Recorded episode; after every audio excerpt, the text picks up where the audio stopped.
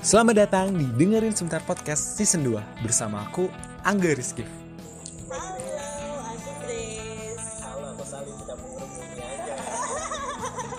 Halo, aku Yani.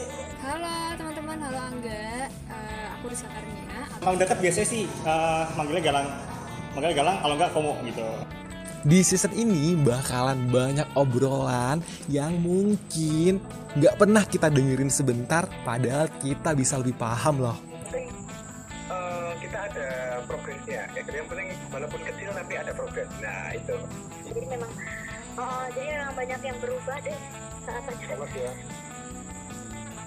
Jangan lupa pantengin terus episode terbaru dari Dengerin Sebentar Podcast only on Spotify gratis. Dengerin Sebentar Podcast, eh, dengerin sebentar Ini juga paham.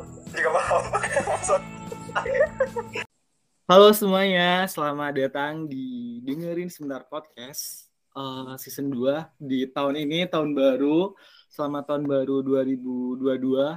Kayaknya sebenarnya nggak penting banget sih ada season 2, tapi kan kemarin sudah satu tahun dengerin Sebentar Podcast, jadi di tahun ini mungkin pengen eh, berbeda lagi eh, obrolan-obrolannya gitu kan. Nah, di mungkin di awal tahun seperti tahun-tahun sebelumnya gitu ya, eh, kita sebagian kayak tahun baru, reso- eh, resolusi baru, banyak hal-hal yang pengen diperbarui dalam hidup kita gitu kan. Nah, eh, terutama di tahun baru ini gitu ya, terutama aku sendiri gitu. Di tahun baru ini bagi aku juga eh, banyak yang pengen aku upgrade gitu. Salah satunya adalah eh, kesehatan mental sih. Apalagi ini kan di masih masa-masa pandemi gitu ya, masih masih belum stabil keadaannya gitu kan. Jadi menurut aku juga eh, kesehatan mental penting banget buat kita omongin, buat kita persiapin di tahun baru ini. Nah, di season baru ini eh, aku pengen banget ngobrolinnya mungkin di season sebelumnya kayak ngobrolnya masih receh-receh gitu. Yang sekarang pengen yang lebih serius lagi gitu kan. Nah, di episode di awal ini aku bakalan eh, ngajak teman-teman buat ngobrolin tentang sebenarnya agak aku juga agak sulit juga sih ngomongin kesehatan mental terutama buat aku sendiri gitu. Makanya di episode di awal ini aku ngajak salah satu temen mungkin bisa dibilang teman aku eh, yang sudah tahu nih eh, gimana sih kita eh, kesehatan mental kita di eh, apa ya namanya buat belajar buat kita gitu. Nah di sini ada eh, Mas Deka. Halo Mas Deka. Halo Angga. Halo halo. Ini disclaimer nih sebenarnya aku agak deg-degan sih tadi tuh kayak aduh ini eh, gimana ya openingnya dulu kan waktu awal podcast yang kangen bioskop itu masih minta eh, saran dari Mas Deka gitu kan aku eh, mungkin boleh Mas Deka boleh eh, kenalan diri dulu gitu sebelum kita ngomongin yang tadi aku sebutin di awal Oke, sebelumnya selamat dulu ya buat podcast dengerin sebentar. Sudah sudah anniversary udah hampir sudah setahun ya berarti ya. sudah satu tahun di eh, Juni kemarin sih Hmm, wah luar biasa lo bisa bisa survive setahun konsisten itu luar biasa loh ya. Selamat dulu dan selamat juga buat pendengar-pendengarnya yang masih setia juga gitu. Oke. Masih- Eh, makasih udah diundang jadi tamu pertama di podcast season kedua ini. Oke, buat teman-teman, kenalin nama saya Rio Deka. Eh, sekarang ini, sekarang ini ya, em, dua tahun inilah kurang lebihnya, saya mendalami dunia mindfulness, terutama untuk eh, yoga, gitu. Nah, kalau teman-teman bertanya apa itu mindfulness, terus apa itu, apakah bentuknya seperti apa, kenapa itu perlu, apakah harus bagaimana cara segala macam. Nah, tugas saya adalah menjadi partner berceritanya Angga malam hari ini. Kalau dengerin malam ya, kita tappingnya malam misalnya Iya. untuk bercerita tentang mindfulness. Karena tadi kalau di awal tadi Angga bilang apakah ini berkaitan dengan kesehatan mental, kurang lebihnya iya gitu. Dan kita memang sekarang ini, apalagi kemarin dua tahun pandemi kemarin ini, kita betul-betul dihajar sana sini ya, secara mental terutama kan. Jadinya kenapa bahkan mindfulness ini kemudian jadi satu term atau satu istilah yang cukup hmm, naik gitu karena memang semua orang seperti diingatkan lagi bahwa pada akhirnya yang kita punya untuk bisa survive sebenarnya kendalinya adalah kita sendiri gitu dan kalau misalnya kita mau bisa survive ya kita harus bisa tadi bisa sadar sepenuhnya atas kondisi kita which is berlatih mindfulness itu gitu. Oke, sebelum mungkin sebelum uh, uh, aku tanya lebih lanjut nih mindfulness itu apa, bagaimana nanti keseharian kita gitu Mas Dika. Kemarin hmm. di 2021 ini gimana Mas Dika nih uh, selama pandemi ini 2021 kehidupan Mas Dika selama 2021 kan kita masih PVH ya masih bekerja dari rumah apa-apa. Mungkin dari aku sendiri masih masih yang uh, apa namanya apa-apa di rumah dikerjain di rumah gitu kan. Dan di pandemi ini uh, bagi aku selama dua tahun selama dua tahun ini kayak semua berjalan begitu cepat bagi aku gitu. Uh, terutama buat adaptasi. Mungkin yang tadinya mungkin kerja harus ke kantor gitu kan. Sekarang bangun hmm. tidur harus buka laptop gitu kan. Jadi kita kayak apa-apa harus ya cepet gitu kan. Nah hmm. kalau di Mas Deka sendiri selama kemarin 2021 gimana nih Mas Deka 2021 kalau personal saya itu malah seperti melanjutkan kehidupan 2020 tapi lebih baik. hmm. Karena kan 2020 kan awal pandemi itu semua masih kaget kan penyesuaian gitu. Tapi dengan segala kekaget, kekagetan, segala macam jungkir baliknya di 2020, kita punya saya terutama punya bekal lebih siap untuk memulai tahun 2021 tahun ini gitu. Ya masih masih banyak penyesuaian, tapi satu hal yang saya menikmati tahun ini adalah melakukan berbagai macam adjustment dalam hidup itu ternyata menyenangkan. Banyak karena pertama menyenangkan karena akhirnya kita tahu kalau ternyata kita tuh oh ternyata gue bisa ya gitu. Itu sebenarnya. Bisa menemukan kalimat ternyata gue bisa survive ya gitu.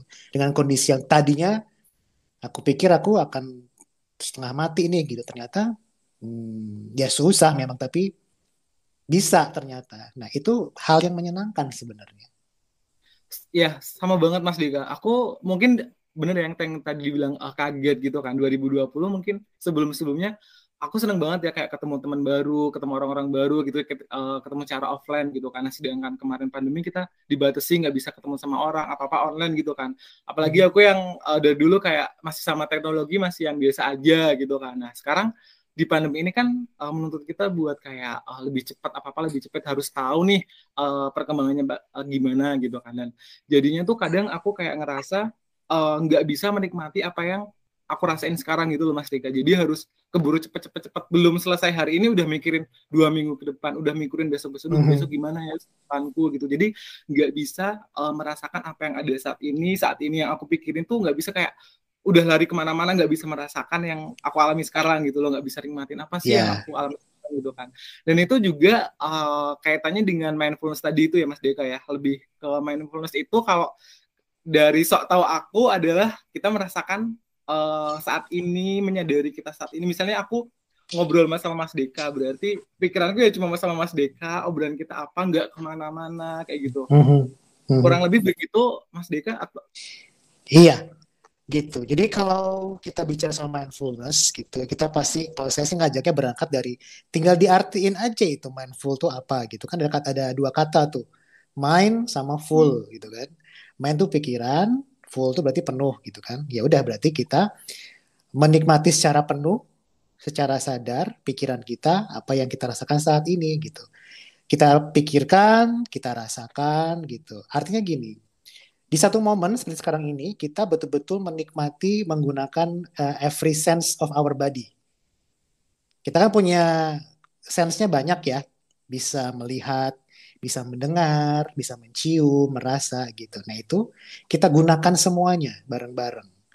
Dan itu yang membuat kita jadi betul-betul menikmati ya saat ini banget gitu. Padahal itu hal yang susah kan. Kayak tadi yang nggak bilang tadi kayak, duh gila gue nggak mungkin bisa nih gue harus bisa banyak menyiapkan segala sesuatunya karena uh, kesannya kalau kita nggak memikirkan sesuatu itu jadi nggak uh, efektif hidupnya gitu. Begitu selesai satu kerjaan harus eh, tiba-tiba nganggur gitu ya, nganggur sebentar kayak kayak merasa bersalah gitu. Iya, iya benar. Iya kan? Hmm. Kayak aduh kok aku nggak efektif banget sih kerjanya padahal sebenarnya nggak juga gitu. Kayak misalnya eh, kita tidur siang gitu. Efektif nggak itu pekerjaan kegiatan itu? Efektif karena apa? Sebenarnya itu bagian dari produktivitas kita istirahat. Gitu. Tapi kita terbiasa kalau kita nggak doing something itu dianggap tidak efektif. Gitu. Itu yang membuat kita jadi terbiasa pikiran kita selalu ngebut Mm-mm. gitu. bukan satu selesai baru melanjutkan hal lainnya, tapi satu hal, dua hal, tiga hal dikerjakan bareng-bareng. Nah itu Mm-mm. yang membuat kita ter- terbiasa seperti itu. Nah makanya kemudian ketika mindfulness ini muncul, ayo kita coba gimana sih caranya kita menikmati momen saat ini secara betul-betul eh, apa adanya gitu.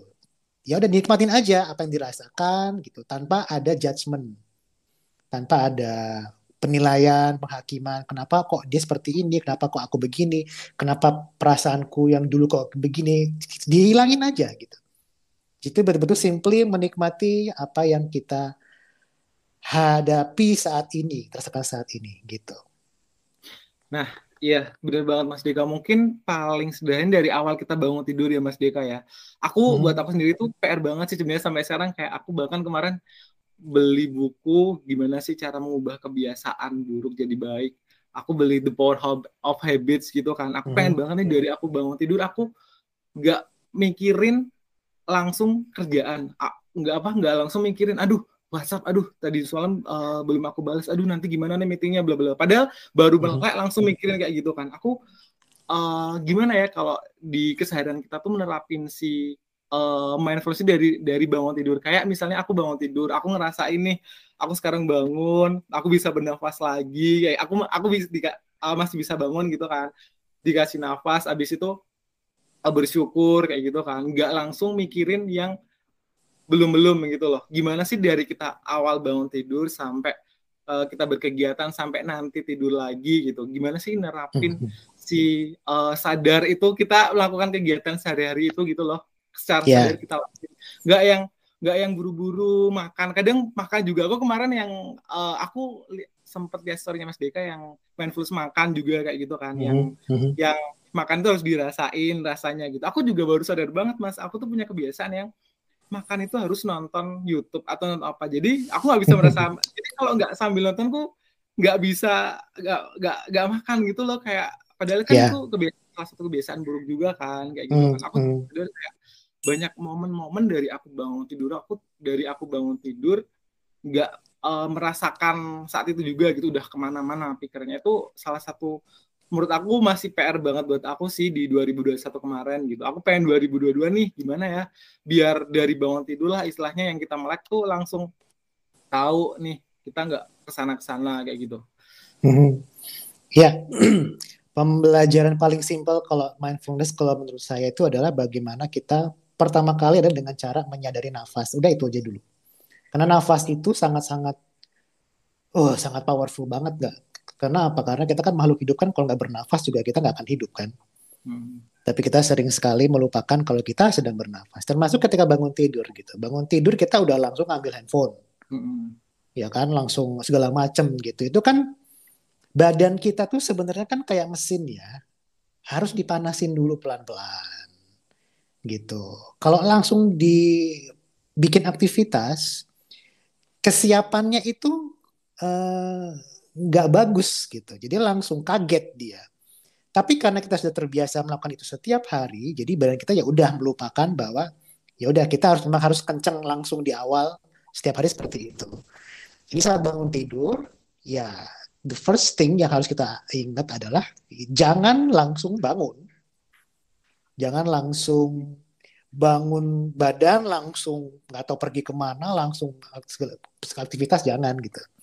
Jadi semenit dua menit gitu melek gitu oke gitu. Sadarin nafasnya dulu aja. Nafas dulu. Ya lima hitungan nafas nafas yang benar ya dengan uh, jangan nafas yang uh, nggak benar gitu. Jadi nafas yang benar itu nafas yang memang uh, natural breathing itu ya nafas yang uh, dari perut gitu dari hidung perutnya yang aktif gitu. Dari situ kemudian baru kemudian oke okay, hari ini aku mau ngapain ya. gitu. Jangan langsung mikirin oh langsung mikirin kerjaan jangan gitu. Tapi paling enggak habis itu ya udah habis ini mau ngapain dulu. Kalau misalnya aku mau mau memulai pagiku dengan mindfulness latihan, biasanya kalau bangun tidur kan ke, ke toilet ya. Ke Hmm. toilet gitu bangun tidur. Coba begitu habis bangun tidur gitu. Coba pas kita nurunin kakinya di lantai gitu, telapak kaki menyentuh lantai gitu, coba dirasain dulu deh. Oh ini udah nyentuh lantai nih gitu. Kemudian pelan-pelan oke dirasain sambil jalan gitu. Jalan dari kamar ke kamar mandi aja. Itu bisa latihan mindfulness dengan cara kamu menikmati lah tahap demi tahap. Gitu. Jadi pikiran kita tuh sudah mulai di di pelan-pelan diajarin oh mulai sadar nih. Oh, kakiku masih bisa berjalan dengan bagus. Aku bisa merasakan dinginnya lantai. Oh, itu kan sense kita kan berjalan semuanya. Jadi nggak langsung dibaca untuk langsung baca baca WhatsApp, baca email gitu. Itu kan langsung kita langsung tegang gitu. Hmm, benar benar benar benar. Kalau kita memulai hari dengan tegang, ya sudah, selanjutnya kita akan tegang terus gitu. Tapi kalau kita betul mempersiapkan sedikit demi sedikit kegiatan kita dari hal yang simpel tadi itu, gitu. Misalnya kemudian cuci muka, gosok gigi, minum gitu, minum air dingin, air putih gitu. Itu aja kan bisa latihan kita menjadi menjadi bagaimana nikmatnya minum pagi hari itu kan biasanya kita kan dehidrasi tuh nikmatin air putih gitu. Oh, masuk seger di tenggorokan gitu. Apakah kita pernah melakukan itu? Enggak. Ya minum cuma glek glek glek habis gitu. Habis itu langsung pindah lagi, pindah lagi. Nah, itu kan kita sudah terbiasa berpindah dengan cepat. Akhirnya apa? Ya badan kita sekedar melakukan sesuatu tapi tidak menikmatinya.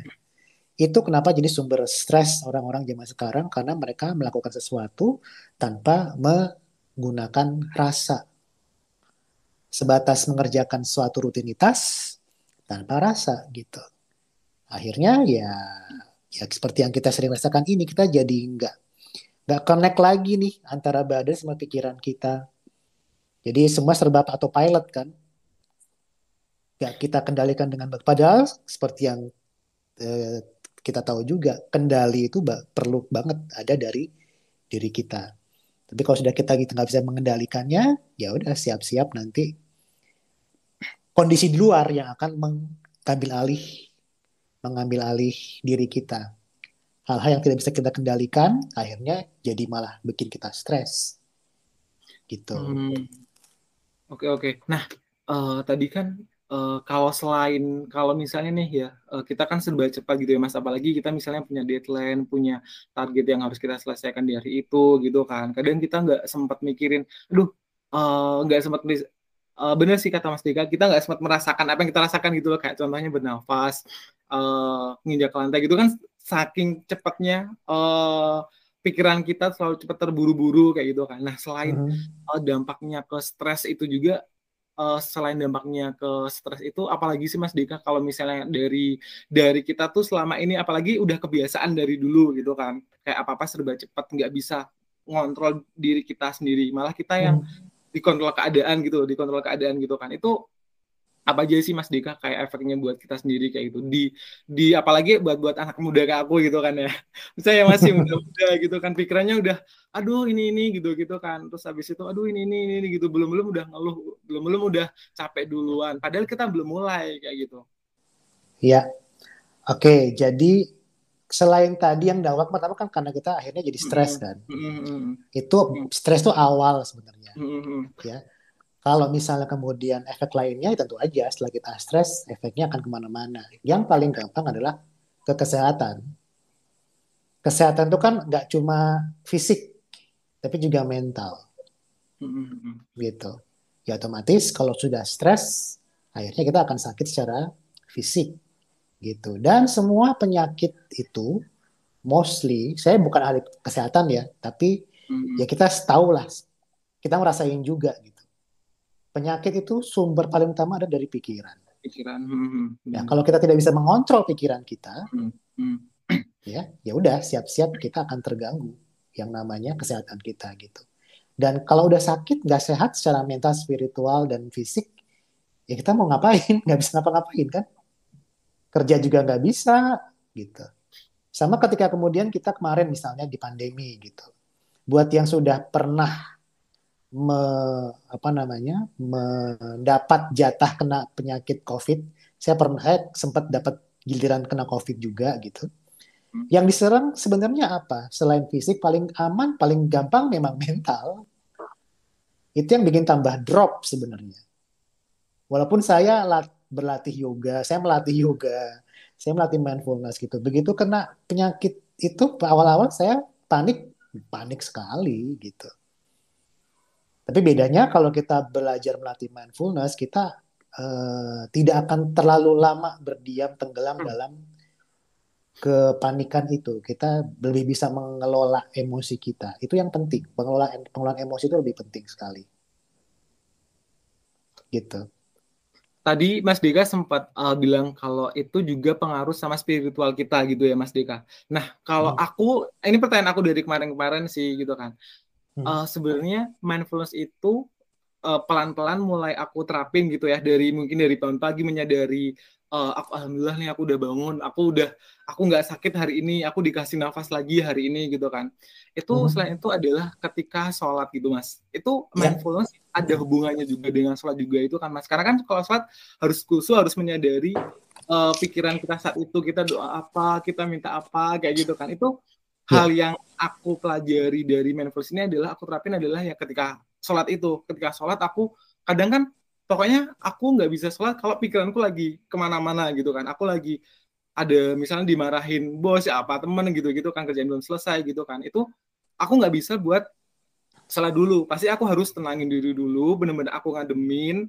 Udah nggak ada nih kayak berisik di kepala apalah pikiran-pikiran baru nanti sholat kayak gitu. Nah ketika sholat itu tuh tantangannya di situ kayak aku kadang eh, apa namanya mensiasatinya adalah dengan ngenceng-ngencengin doa yang aku baca gitu. Biar aku fokusnya di doa aku yang baca apa urutannya kayak gitu kan. Kadang eh, ada hubungannya nggak sih Mas Dega kalau ada mindfulness sama di Islam itu kayak kekusukan itu tadi? Kalau kalau misalnya dari aku nih menerapkannya di saat sholat itu gitu. Kan itu salah satu juga kita menyadari apa yang kita baca saat itu gitu juga kan ya Mas Deka Ya. Set- eh, setelah saya mempelajari tentang mindfulness gitu ya, Hmm. saya memang menyimpulkan juga memang yang mindfulness itu adalah versi dari bahasa Inggris, istilah Inggris dari Hmm. khusyuk itu. Memang betul, Hmm. khusyuk Hmm. gitu. Kalau dulu kan sejak dulu kan kita dibilang terutama yang muslim ya, sholat itu harus khusyuk gitu. Khusyuk itu Hmm. gimana sih gitu? Hmm, hmm, hmm. Apakah harus tidak memikirkan hal-hal lain, khusyuk apa-apa segala macam? Kan kita sering kali bingung kan, kayak apa nih yang khusyuk gitu. Hmm. Ya, tapi Hmm. kemudian setelah kita saya belajar mindfulness tadi ya khusyuk seperti itu. Jadi betul-betul ya itu kan present moment kan. Hmm. Ketika kita sholat Hmm. itu kan kita berdoa gitu kan itu kan kita melakukannya di momen itu gitu. Kita khusyuk Hmm. dengan apa yang kita sadar gitu, dengan apa yang kita kerjakan. Nggak cuman kita sholat kita berdoa gitu. Yang muslim, yang muslim lima kali sehari, yang gere, yang yang gere, yang Kristen misalnya setiap hari Minggu ke gereja, misalnya kayak ibadah Minggu gitu. Hmm. Kebanyakan kan kita karena melakukan karena itu memang sudah rutinitas kan. Hmm. Hmm. Tapi pernah nggak kita betul-betul yang betul-betul membuka membuka sejadah itu dengan kita sadar membuka terus Hmm. mem- niatnya tuh kita betul-betul diniatkan memang betul-betul sadar gitu. Ada kuncinya sadar itu. Sadar dengan yang ucapkan. Ngerti nggak artinya baca sholatnya apa? Atau cuma hafal doang Hmm. gitu. Ketika kita melakukan gerakan-gerakannya itu, kita mengangkat tangan gitu. Kita sujud gitu. Dirasakan nggak kening kita nempel di sajadah itu? Dirasain nggak itu? loh. Intinya seperti itu gitu loh. Ketika dirasain, ketika kita merasakan apa yang kita ras kita ucapkan itu, ya itu kita sudah mindful sebenarnya. Jadi teman-teman sebenarnya yang muslim terutama gitu kan, karena saya juga muslim, ya sudah berarti mindfulness itu sejak sejak belajar sholat itu sebenarnya. Cuman Hmm. kan semua butuh proses, Hmm. ya. Orang kita yang namanya beribadah itu kan naik turun ya. Keimanan kita kan naik turun. Kadang kalau lagi susah kita jadi deket banget sama Tuhan. Kalau lagi nggak ya, ya lupa-lupa ingat gitu kan. Iya benar benar benar benar. Iya, jadi ya itu dengan melatih mindfulness jadi jadi lebih ngerti esensinya tuh. Hmm. Aku melakukan ini tuh jadi why, ya kan? Hmm. Karena ada yang bilang kalau kamu pengen eh, bisa sukses itu adalah ketika melakukan sesuatu find your why. Hmm. Kenapa aku melakukan ini gitu. ketika kamu sudah ketemu kenapa aku melakukan ini, itu sudah awal kita uh, belajar tentang mindful tadi. Gitu. Nah, aku tuh pernah, aku dulu pernah ikut uh, sesinya Mas Yoga yang, eh sesinya Mas Yoga, aku suka kembali, aku sih suka ikut sesinya Mas Deka yang yoga online gitu kan. Nah, hmm. sebenarnya kalau uh, yoga itu kan lebih ke meditasi ya Mas Deka ya. Hmm. Nah, aku tuh di banyak yang uh, mindfulness itu sebenarnya sama nggak sih dengan meditasi itu sendiri gitu kan? Uh, hubungannya mindfulness dengan yoga itu kan sebenarnya apa sih Mas Deka kayak gitu? Selain kita tadi yang hmm. sadar kita hari ini sadar nafas kita gitu gitu, uh, hmm. terus kita bisa melakukan mindfulness itu sendiri dengan cara yoga kayak gitu. Nah itu hubungannya okay. dengan meditasi gitu gitu juga apa sih Mas Deka? Oke, okay.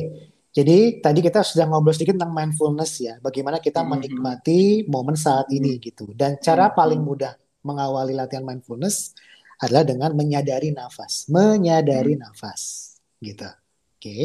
Nah, yoga itu ada salah satu cara untuk kita melakukan itu.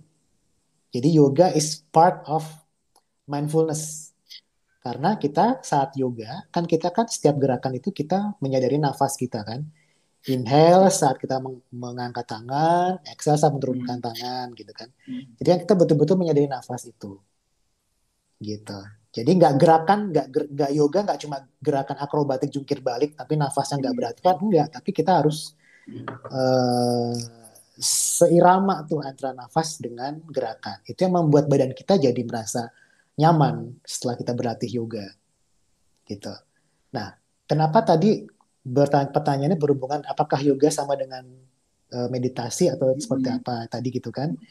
Jadi memang banyak uh, di luar sana yang masih kebalik-balik sering bingung nih mau yoga, meditasi, mindfulness gitu. Tapi tadi ya, mindfulness adalah garis besarnya seperti itu. Turunannya latihannya bisa dengan yoga. Nah, yoga itu sebenarnya kita berlatih yoga. Tujuan akhir latihan yoga itu adalah ke meditasi. Gitu. Maksudnya gini. Meditasi itu kan kita berdiam untuk uh, menyadari cara dia nafas, pikiran segala macam gitu. Nah, Gerakan-gerakan yoga itu membantu untuk menguatkan fisik dan pikiran kita. Kenapa kita duduknya harus belajar harus benar? Kenapa tulang punggungnya harus uh, apa namanya lurus, jangan membungkuk. Dengan kita melatih kekuatan itu, nantinya ketika kita mencoba meditasi, kita lebih kuat secara fisik. Gitu. Jadi tujuan yoga itu tujuan akhirnya kalau yang uh, di di sejarahnya dulu ya ketika diciptakan adalah supaya kita bisa bermeditasi dengan lama, dengan tenang, dengan khusyuk tadi. Gitu. Jadi beda sebenarnya. Beda tapi masih satu lingkar satu, satu hubungan gitu. Hmm. Gitu. Yoga membantu kita untuk lebih siap untuk bermeditasi. Gitu. Kebayang ya? Kebayang sih kebayang. Kebayang dikit-dikit kebayang sih. Kebayang kebayang Mas Deka kebayang Mas Deka. Nah ini sih Mas Deka uh, apa namanya? Kadang ini kan terutama aku juga nih aku berangkat dari masalah aku sendiri gitu kan.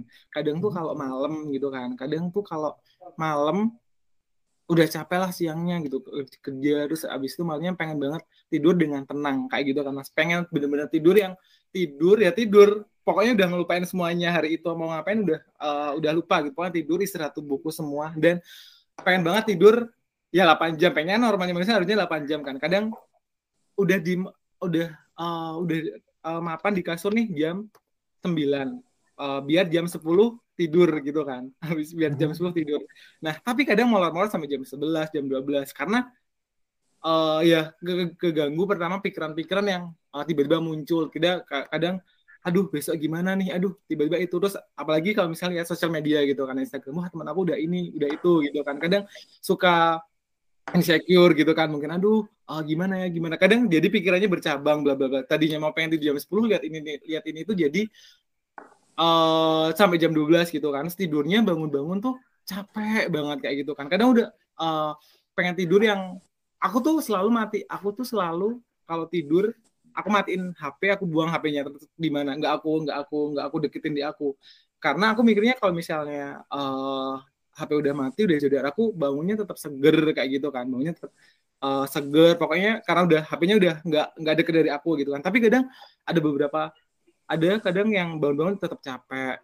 Bangun-bangun aduh aku baru bangun tidur tapi kenapa capek banget sih? Kayak gitu kan. Kadang tubuhnya tuh kayak eh pada tidur kan semua istirahatin tubuh kan tapi malah capek lagi kayak gitu kan.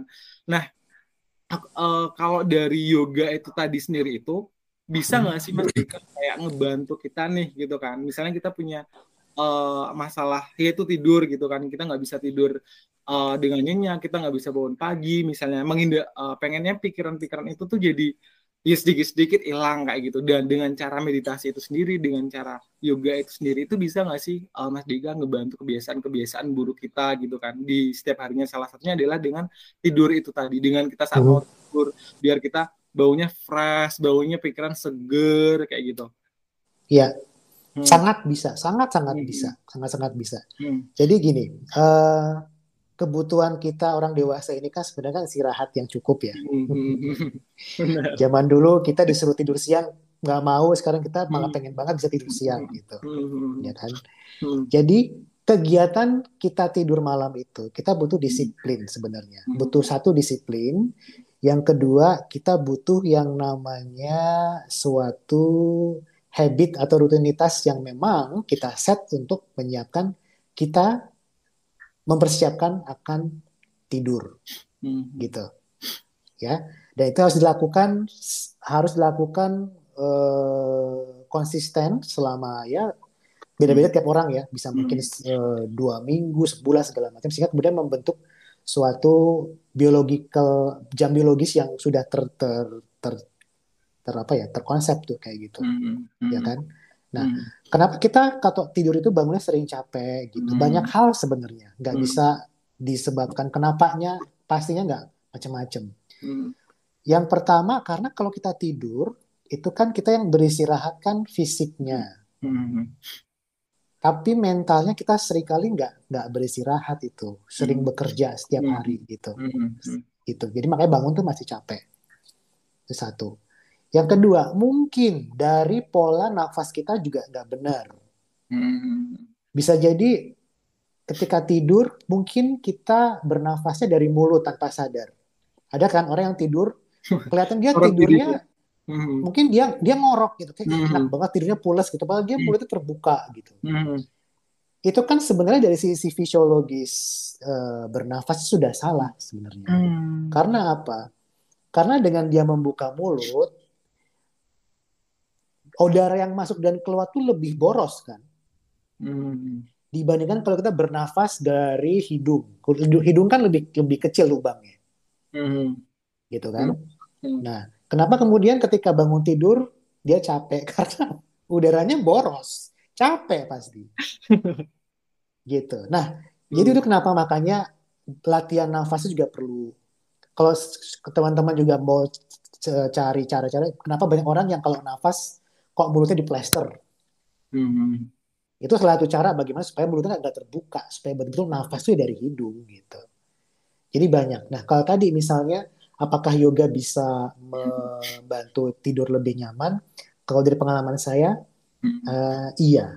Hmm. Karena misalnya nih kita yoga sebelum tidur, maksudnya stretching sebelum tidur, hmm. lanjut meditasi, itu kan hmm. kita kan nervous system sistem saraf kita kan di dibikin kalem dulu nih, enggak? Hmm. Ya kan, dengan nafas. Hmm. Nafas hmm. yang panjang dan lembut hmm. itu akan hmm. membantu tubuh kita lebih rileks. Jadi percuma kalau kita, oke, okay, aku menjadwalkan jam 10 tidur, tapi badan kita belum rileks, pikiran kita belum hmm. rileks, belum kita hmm. belum, secara mental kita belum siap, oke okay, mau tidur, ya percuma hmm. sebenarnya.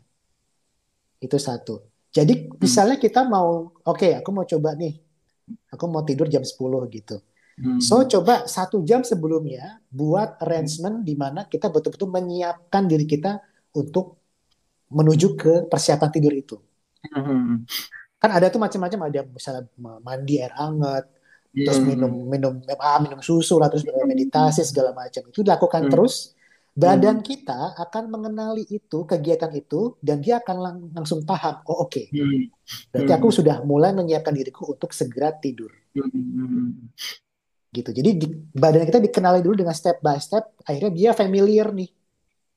Karena badan kita kan pinter untuk menangkap satu Hmm. pesan ya. Gitu. Jadi kalau misalnya kita selalu cuman pengen tidur, aku udah tidur 10 jam sehari gitu misalnya. Hmm. Tapi masih capek gitu. Ya pasti akan capek kalau badannya memang tidak disiapkan untuk istirahat gitu. Yang istirahat akhirnya cuman fisiknya. Tapi mentalnya itu tetap Hmm. kerja gitu. Dan satu yang lebih penting lagi, Hmm. ini juga uh, harus dipahami juga. Hmm. Kenapa kita harus menjauhkan uh, laptop, gadget segala macam Yes, benar. sebelum kita tidur? Karena Hmm. gini, satu hal terakhir yang kita pikirkan menjelang tidur Hmm. akan jadi satu hal pertama yang kita ingat ketika bangun tidur. Oh, ini oh, oke oke oke oke. Aku baru tahu ini sih sebenarnya Mas. Pernah ngalamin nggak? Eh kayak Jadi kayak misalnya tidur dengan keadaan sedih gitu ya. hmm, hmm, Terus bangun-bangun sedih nggak? Masih sedih pasti.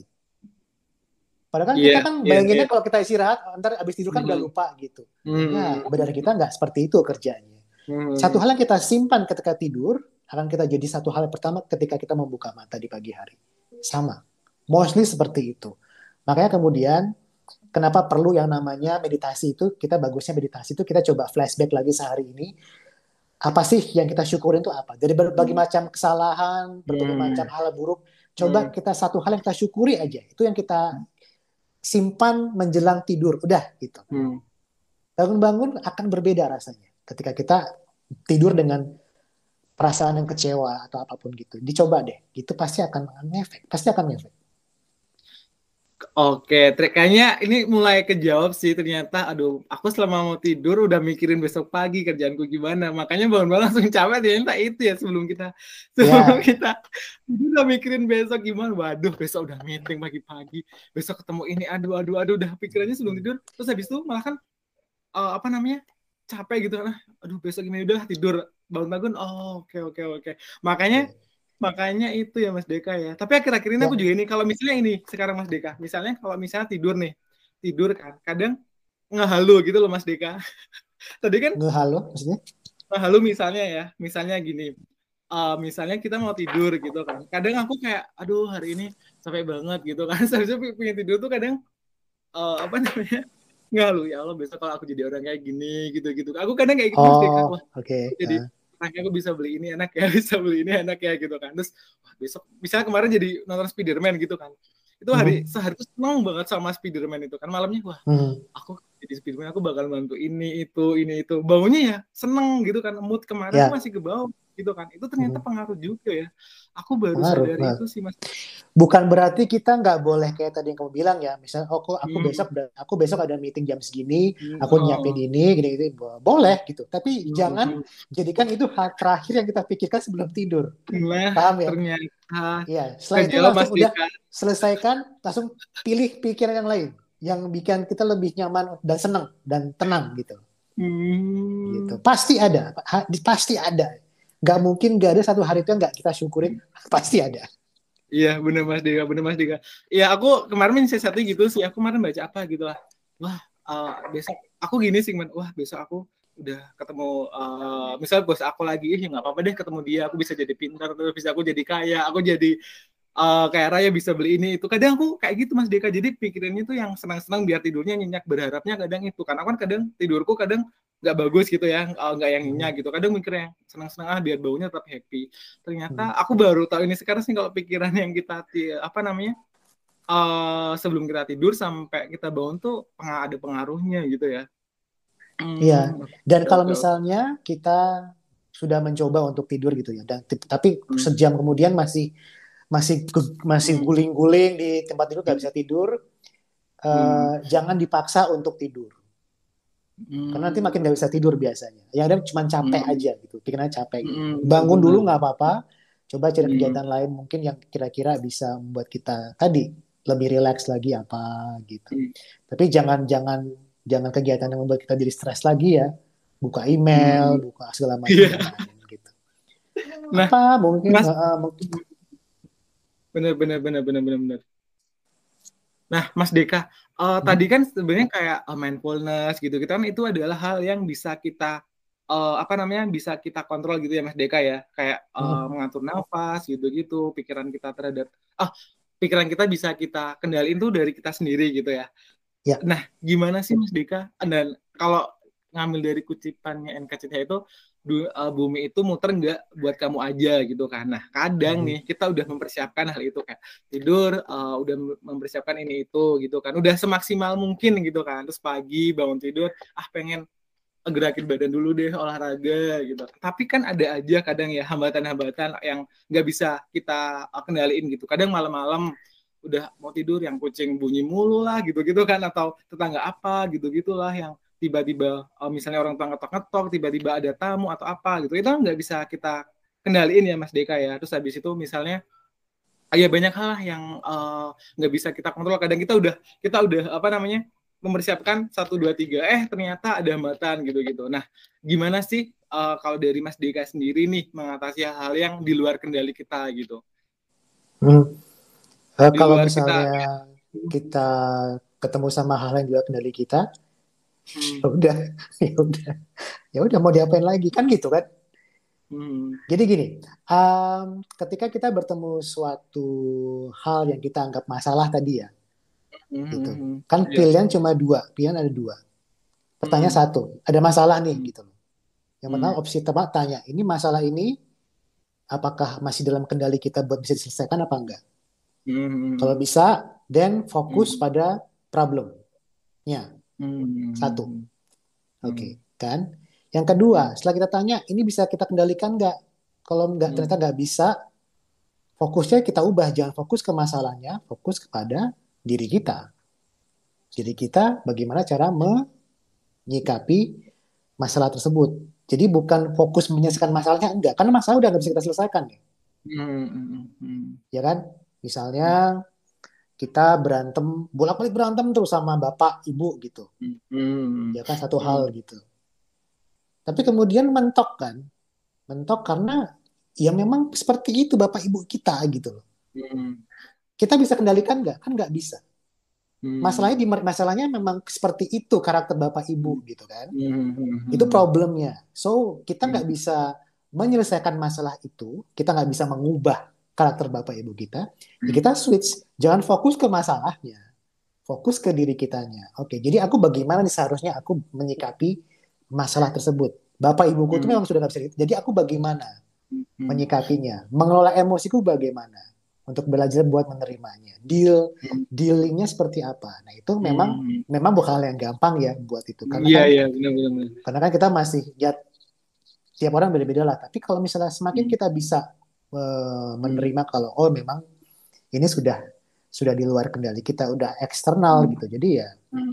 ya ya sudah gitu loh hmm. ada yang namanya attachment ada yang namanya detachment hmm. attachment itu adalah bagaimana kalau kita uh, attachment adalah kayak email gitu jadi kita bawaan dari dari dari um, yang masa lalu kita punya kita punya trauma mungkin kita hmm. punya luka batin ketika kecil, kita punya apa pun hmm. rahasia segala macam. Itu kan membuat hmm. kita mempengaruhi kita bagaimana kita berbicara, berpikir, membuat keputusan gitu. Kalau detachment adalah bagaimana kita melepaskan itu gitu.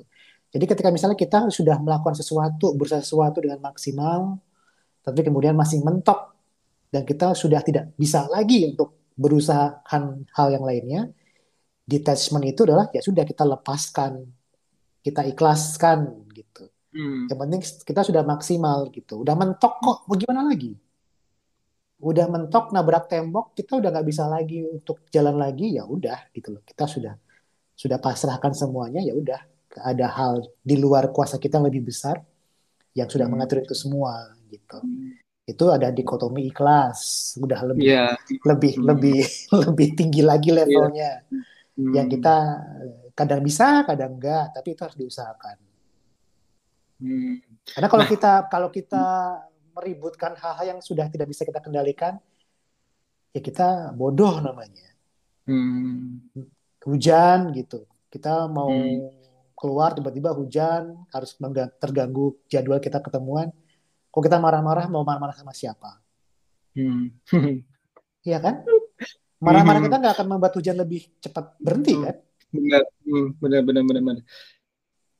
Hmm, eh, ini sih Mas Deka, kadang kan eh, sebagian dari kita juga kayak eh, mungkin aku juga gitu kan. Kadang ada yang eh, dia itu mengeluarkan emosinya gitu kan saat itu juga gitu kan Mas. Misalnya eh, aku marah, eh, aku apa misalnya aku nggak suka sama orang, aku ngatain detik itu juga. Gimana sih kamu belum marah gitu kan? Mhm. Tapi ada juga yang eh, kadang ada juga yang dipendem, dipendem, dipendem ya udahlah sabar, sabar gitu kan. Tapi lama-lama kalau emosi kita dipendem, pendem, pendem, pendem, pendem, lama-lama kan meledak gitu kan ya Mas Deka. Nah, Mhm. seba nah, gimana sih eh, cara untuk mengendalikan emosi itu gitu? Gimana? Apakah apakah benar ya? eh, apa eh, sebaiknya itu lebih baik kita mengeluarkan emosi kita saat itu juga. Misalnya marah ya bla bla bla langsung udah habis itu lega udah gitu kan. Atau malah kadang ya udah sabar dulu sabar dulu sabar dulu. Lama-lama kan mungkin dia mendem mendem mendem dia nggak bisa ngeluarin emosinya dengan bagus gitu kan. Kan lama-lama malah Mhm. jadi bom buat dia dia sendiri karena dia udah nyimpen emosi-emosi dia. Akhirnya sensitif misalnya di eh, ngomongin apa tiba-tiba dia marah. Nah semua yang dia tadi pendem-pendem akhirnya meledak lah semuanya nah Mhm. kalau yang untuk emosi-emosi kayak gitu gimana sih Mas Dega untuk menyikapinya sendiri tuh Kalau menurutku itu Hmm. emosi itu dipendam Hmm. nggak bagus, dikeluarkan Hmm. juga nggak bagus. Hmm, hmm, hmm, hmm. Yang benar tuh emosi itu dikelola sebenarnya, Hmm, hmm, hmm. gitu. Dan apakah eh, memendam itu Hmm, selamanya buruk? Nggak juga. hmm. Kalau dipendem tapi nggak selesai, buruk. Hmm, Tapi kalau Hmm. dipendem kemudian dikelola untuk kita jeda dulu. Ini aku marah kenapa ya? hmm, Apakah aku marah itu karena apa gitu? Karena tiap orang sekali lagi punya background yang berbeda. Kenapa sampai kemudian dia bisa kemudian menjadi sangat marah gitu, hmm, ya kan? Apakah aku Hmm. marah karena masalah ini, Hmm. ataukah aku marah ketambahan juga karena aku udah sebel sama orang ini, Hmm. ataukah aku marah karena aku ada emosi ini, sebel sama orang ini, tapi juga tadi aku di jalan aku juga sempat diserempet sama Nah. orang lain, Iya. gitu. Hmm, itu dipendam dulu juga bagus karena kita Hmm. juga eh, mengelolanya itu tadi. Jadi sebenarnya apa yang membuat aku bisa lebih jadi semarah ini kenapa ya gitu loh. hmm, hmm. Beda kalau tadi yang pertama yang Angga Hmm. bilang tiba-tiba begitu marah langsung dikeluarin semuanya, Iya. ya kan tanpa Iya. tanpa disaring gitu. Hmm, Itu juga apakah itu bagus? Belum tentu juga gitu loh. hmm, hmm, Ya kan? Kalau marahnya kayak tadi kan tiba-tiba cuma masalah kecil sebenarnya. hmm. Tapi karena dia udah lama udah sebel sama orang ini, Iya. tiba-tiba ketambahan apa segala macam tiba-tiba meledak gitu kan jadi kan Iya. marahnya Hmm. nggak sesuai dengan substansinya Hmm. kalau seperti itu akhirnya kita jadi Hmm. tidak bersikap adil sama orang lain ya kan Hmm. gitu jadi kenapa akhirnya apakah bagusnya dikeluarkan apakah dipendam it depends gitu dua-duanya bisa sama-sama buruknya gitu Hmm. yang bagus kita mengelola dan marah yang baik itu adalah marah yang tak yang kalau saya nyebutnya istilah marah yang informatif kenapa kita Hmm. marah Hmm. jelaskan kenapa marah. Jangan kita tidak tidak reaktif Hmm. gitu. Jangan ekspresikan kemarahan tapi informasikan, jelaskan kemarahan kita karena apa. Hmm. Dan ini hal yang akan sangat sulit dipahami kalau kita terbiasa tadi. Hmm. Kena dikit marah, kena dikit ngamuk gitu. Nah, itu yang Hmm. harus kita belajar untuk bisa mengelola dan mindfulness lagi-lagi adalah Hmm. cara untuk bisa tadi. Kenapa? Sama-sama kan tadi disadarin dulu kan. Diam Hmm. dulu gitu. Hmm. Hmm. Kenapa ya? Kok aku bisa sekecewa ini kenapa ya? Marahnya karena Hmm. apa ya? Gitu. Hmm. Jadi baru Hmm. kita makin makin makin jelas melihat sesuatunya. Lebih clear. Hmm. Dari dari yang Mas Deka barusan eh, apa namanya bilang tuh mirip banget sih sebenarnya sama yang aku kan ngikutin Mbak Marisa Anita juga ya dia kan salah satu yang eh, di channel yang Great Men itu kan dia yang eh, apa namanya tentang filosofi teras yang tentang Hmm. bagaimana kita mengendalikan ap- eh, gimana sih kita mengendalikan diri kita sendiri terus habis itu menyadari saat ini gitu kan. Apa apa sih yang bisa kita kendaliin apa sih yang nggak bisa kendali kita nggak kendaliin? Ya udah fokus aja sama diri kita dulu fokus Hmm. sama yang bisa kita oh sa apa namanya kita kendaliin kayak gitu. Tapi yang menarik uh, ini kan di akhir 2000 di di akhir 2021 gitu ya Mas Deka ya. Uh, apa namanya dan pasti banyak banget harapan yang pengen kita wujudin di 2022 gitu.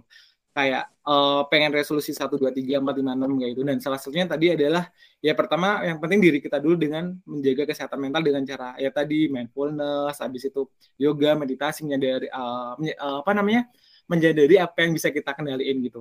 Tapi hmm. kemarin nih yang menariknya adalah uh, aku kemarin nonton channel di apa ya majalah apa gitu ada Mbak Marisa Anita sama Mbak uh, Najwa Sihab mereka hmm. ngobrol berdua. Mungkin Mas Dika udah udah lihat.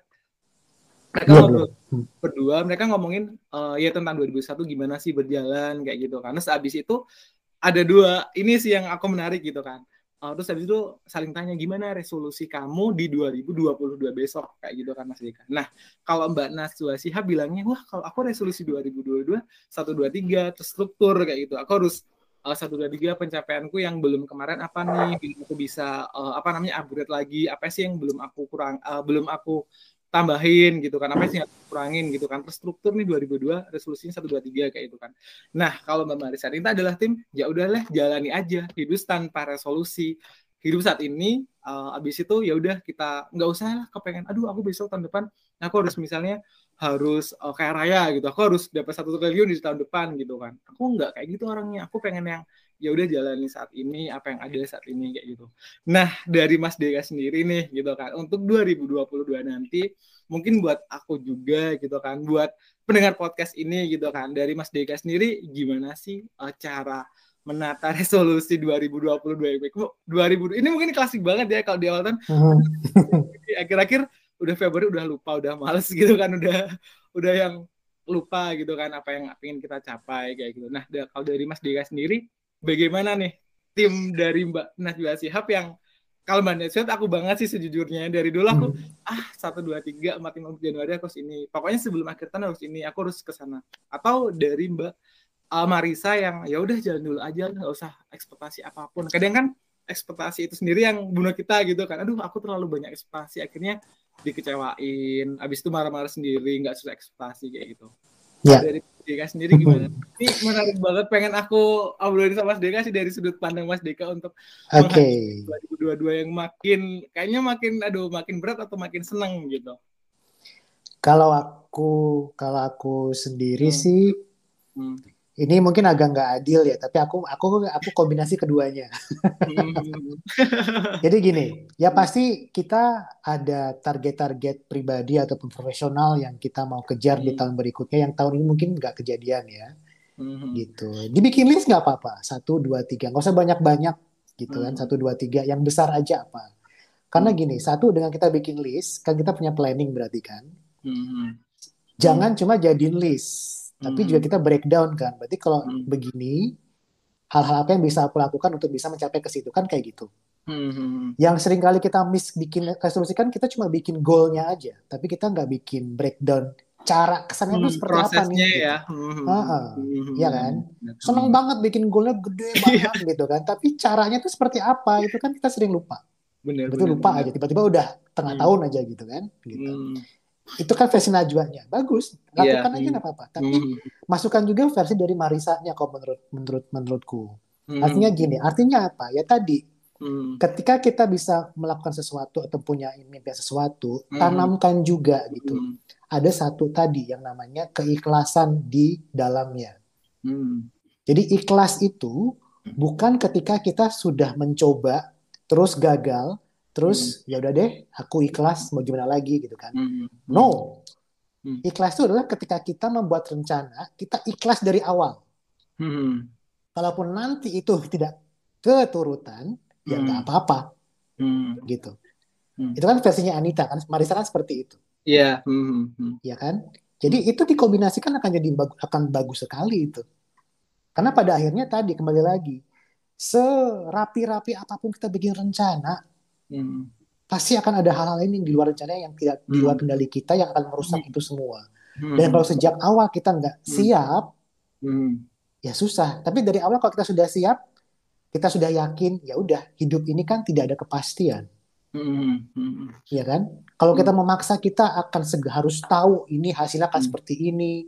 harus Hmm. segera jadi ketahuan hasilnya dalam waktu segini gitu kan Hmm. Hmm. ya kita akan selalu tegang hidupnya dan kita akan Hmm. susah buat menerima untuk legowo kalau nggak berhasil Hmm.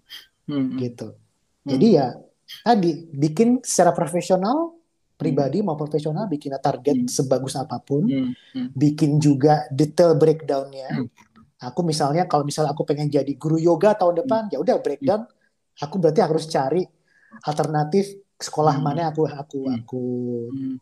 Datangi Hmm. waktunya ada nggak duitnya ada nggak kapan ini Hmm. kan kita bikin plannya seperti itu Hmm. Benar. benar. tapi kemudian masukkan juga tadi apa namanya dikotomi kendali tadi ya intinya adalah siap-siap kalau itu semua tidak terjadi ya udah nggak apa-apa atau mau Hmm. bikin plannya plan B pun nggak apa-apa jadi kita Hmm. sudah sudah siap gitu ya nggak nggak akan kaget ketika dulu kita dihajar sama pandemi yang tiba-tiba semuanya nggak kacau nggak karu-karuan kan Hmm. tapi kemudian kita makin ke sini makin belajar oh ya memang tadi ada hal yang sudah dikendali kita ada yang di luar kendali kita dan lebih banyak hal yang tidak bisa kita kendalikan dibandingkan hal yang bisa kita kendalikan Hmm. gitu kalau kita sudah punya prinsip seperti itu Hmm. Kalau menurut bayangan saya sih akan lebih lebih mudah ya lebih Hmm. mudah untuk bukan berarti hidupnya jadi nggak ada kesusahan enggak tapi kita lebih Hmm. mudah untuk secara mental kita tidak lagi menyerahkan kebahagiaan kita ke Hmm. kondisi di luar kita tapi dari kondisi yang ada di dalam diri kita kita kita yang betul-betul taking control pegang kendali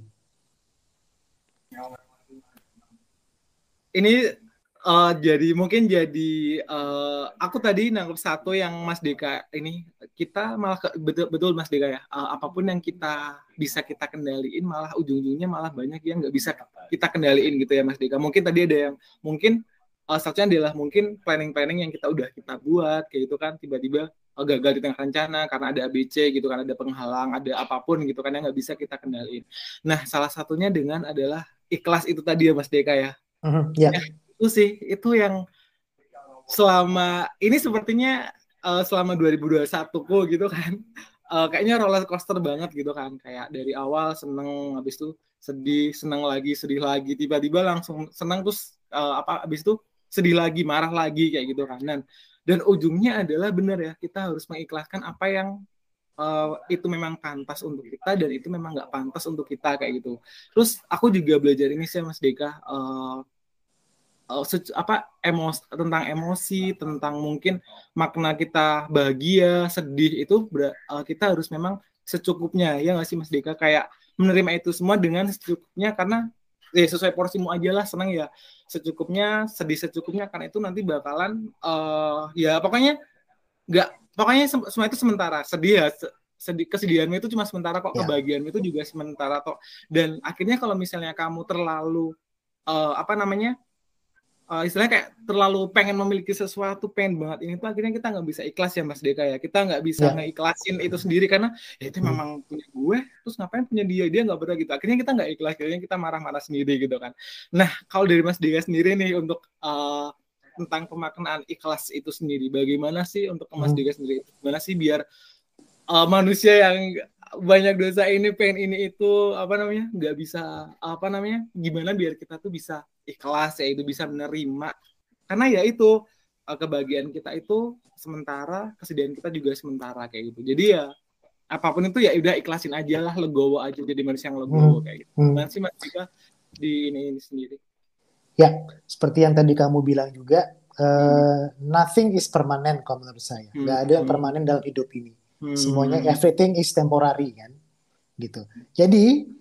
yakin aja gitu intinya ada di ada di perasaan yakin nih kita kan sering kali kan jadi nggak bisa kan karena kita nggak yakin Hmm. belum pernah merasakan belum pernah melihat sendiri atas bukti dari keyakinan itu gitu misalnya Hmm. ya Hmm. karena tadi kalau kita sekarang sedang sedih ya abis ini Hmm. kita pasti akan seneng pasti Hmm. itu Hmm. karena kan memang akan berganti seperti itu Hmm. muternya seperti itu kalau kita sedang Hmm. gembira siap-siap abis ini kita akan sedih bener banget gitu jadi ya Hmm. nggak usah berlebihan jadi ya sikapi biasa aja gitu oh ya udah gitu jadi ya kalau sekarang sedang sedih terus kapan aku bahagianya Hmm. itu akan datang gitu akan datang Hmm. Hmm. akan datang Dan tapi itu nggak tenang sendiri, tapi kita juga membantu prosesnya juga. Oh gitu. Misalnya kita sedang berduka gitu.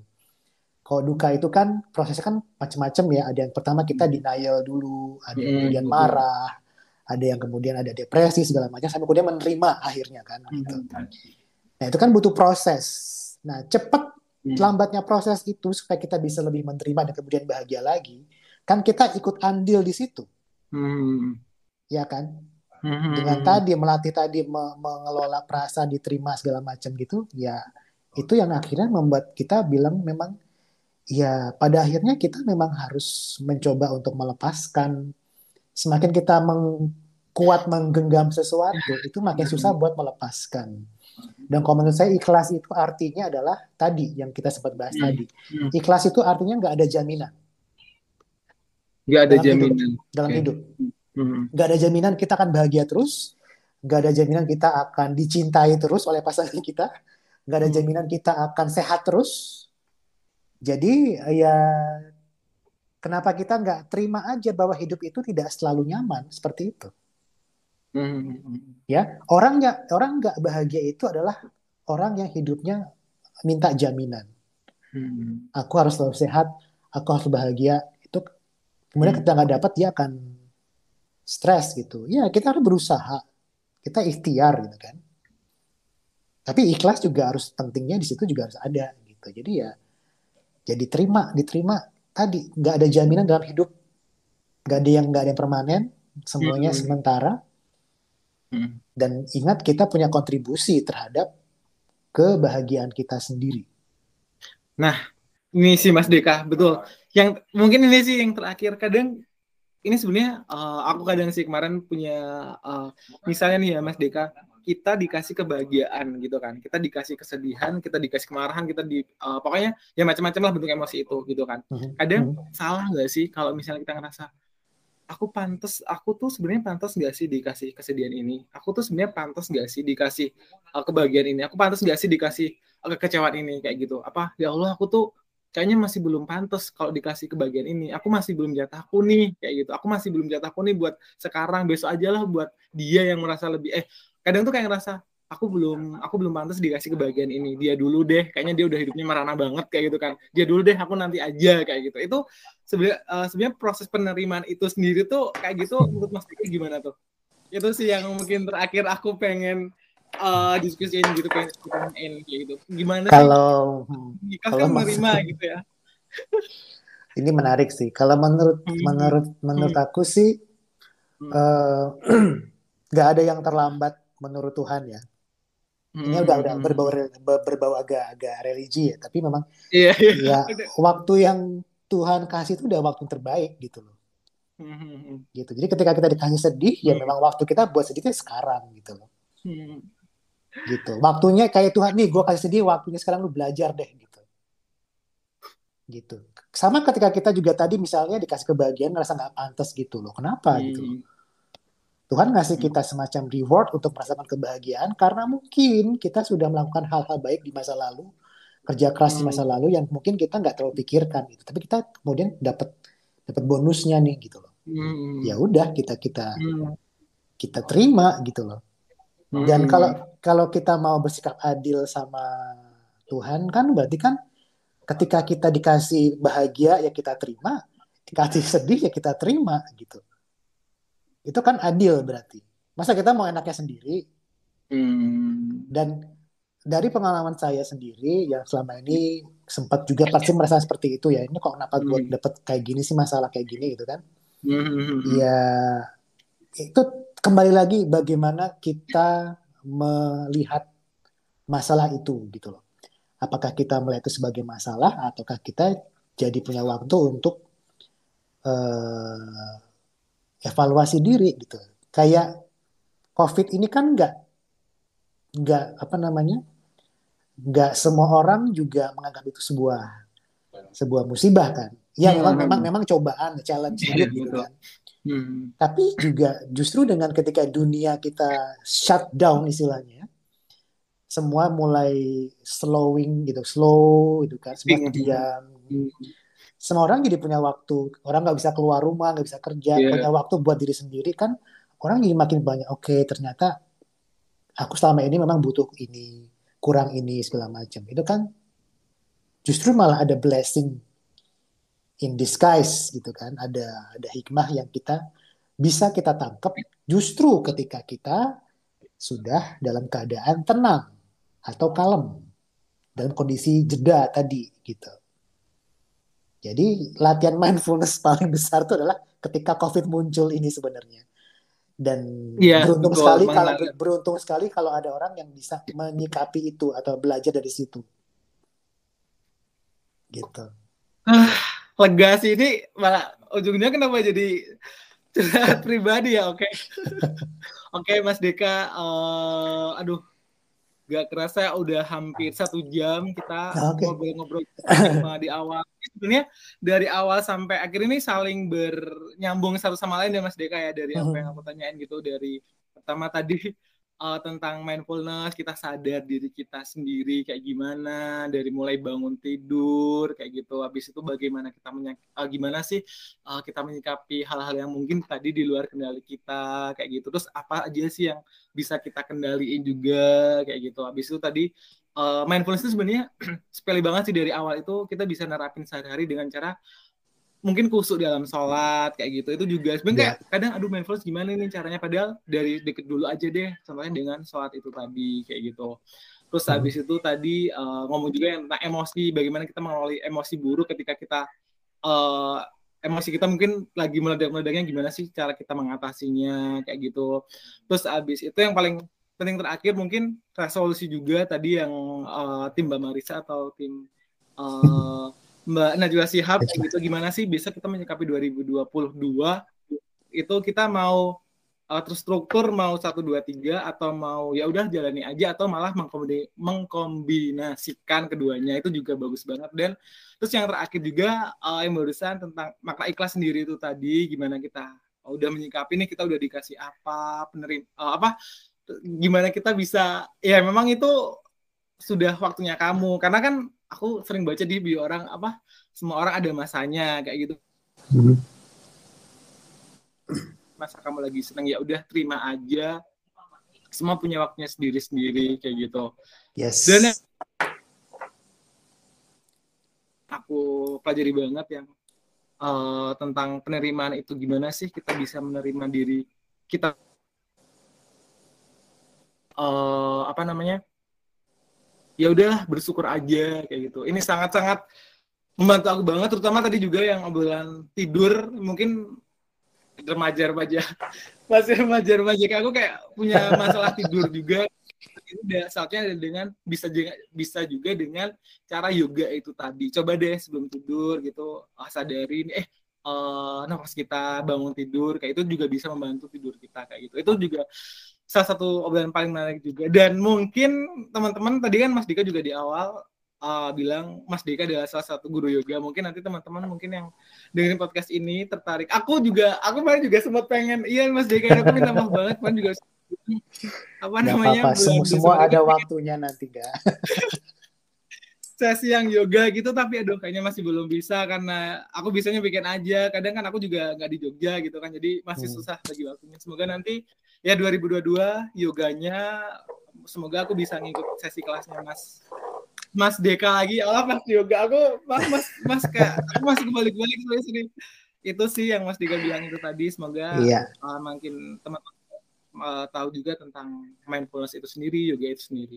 satu Amin. terakhir mungkin Mas Deka uh, ada dua sih dua, uh, ada dua sih terakhir yang pengen aku aku iniin lagi yang satu mm -hmm. apa sih uh, pesan deh singkat aja buat mungkin teman-teman di 2002 nya nanti uh, di 2002 nanti kan yang banyak pasti banyak ketidakpastian yang bakalan datang kayak gitu gimana sih Ca, gimana sih pesan-pesannya kayak ya mungkin kutipan atau apa gitu biar makin semangat gitu. Oke, okay, um, uh. hmm, kalau menurut saya sih Uh, setiap hari bukan cuma pergantian tahun, ya, setiap hari, setiap saat gitu kita harus. Harus paling nggak sadari tiga hal. Yang pertama, kita tidak harus selalu berhasil atau sukses, ya, hmm. gitu. Kita nggak harus selalu berhasil atau sukses, gitu. Kegagalan itu nggak apa-apa, gitu. Jangan harus selalu berhasil, Ya, memaksa diri terlalu berhasil berhasil gitu ya. Gitu. Hmm. Kemudian yang kedua, ya kita nggak bisa memaksa orang lain akan bersikap atau memperlakukan kita dengan baik.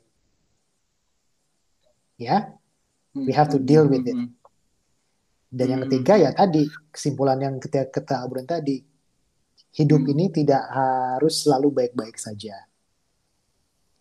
Oke, diterima itu. Dan yang terakhir siap kalau ya saya, ya dan yang penting adalah Hmm. ketika berhubungan tentang target tadi ya, Hmm. em, kita tidak sempurna, tapi kita harus lebih baik dari sebelumnya. Udah gitu aja. Apa pun itu ya. Karena ketidaksempurnaan itu adalah bagian dari kesempurnaan itu sendiri. Oh. Yes. Hmm. Oke. Gitu. Eh, Oke, eh, makasih banget buat Mas Deka buat hari ini.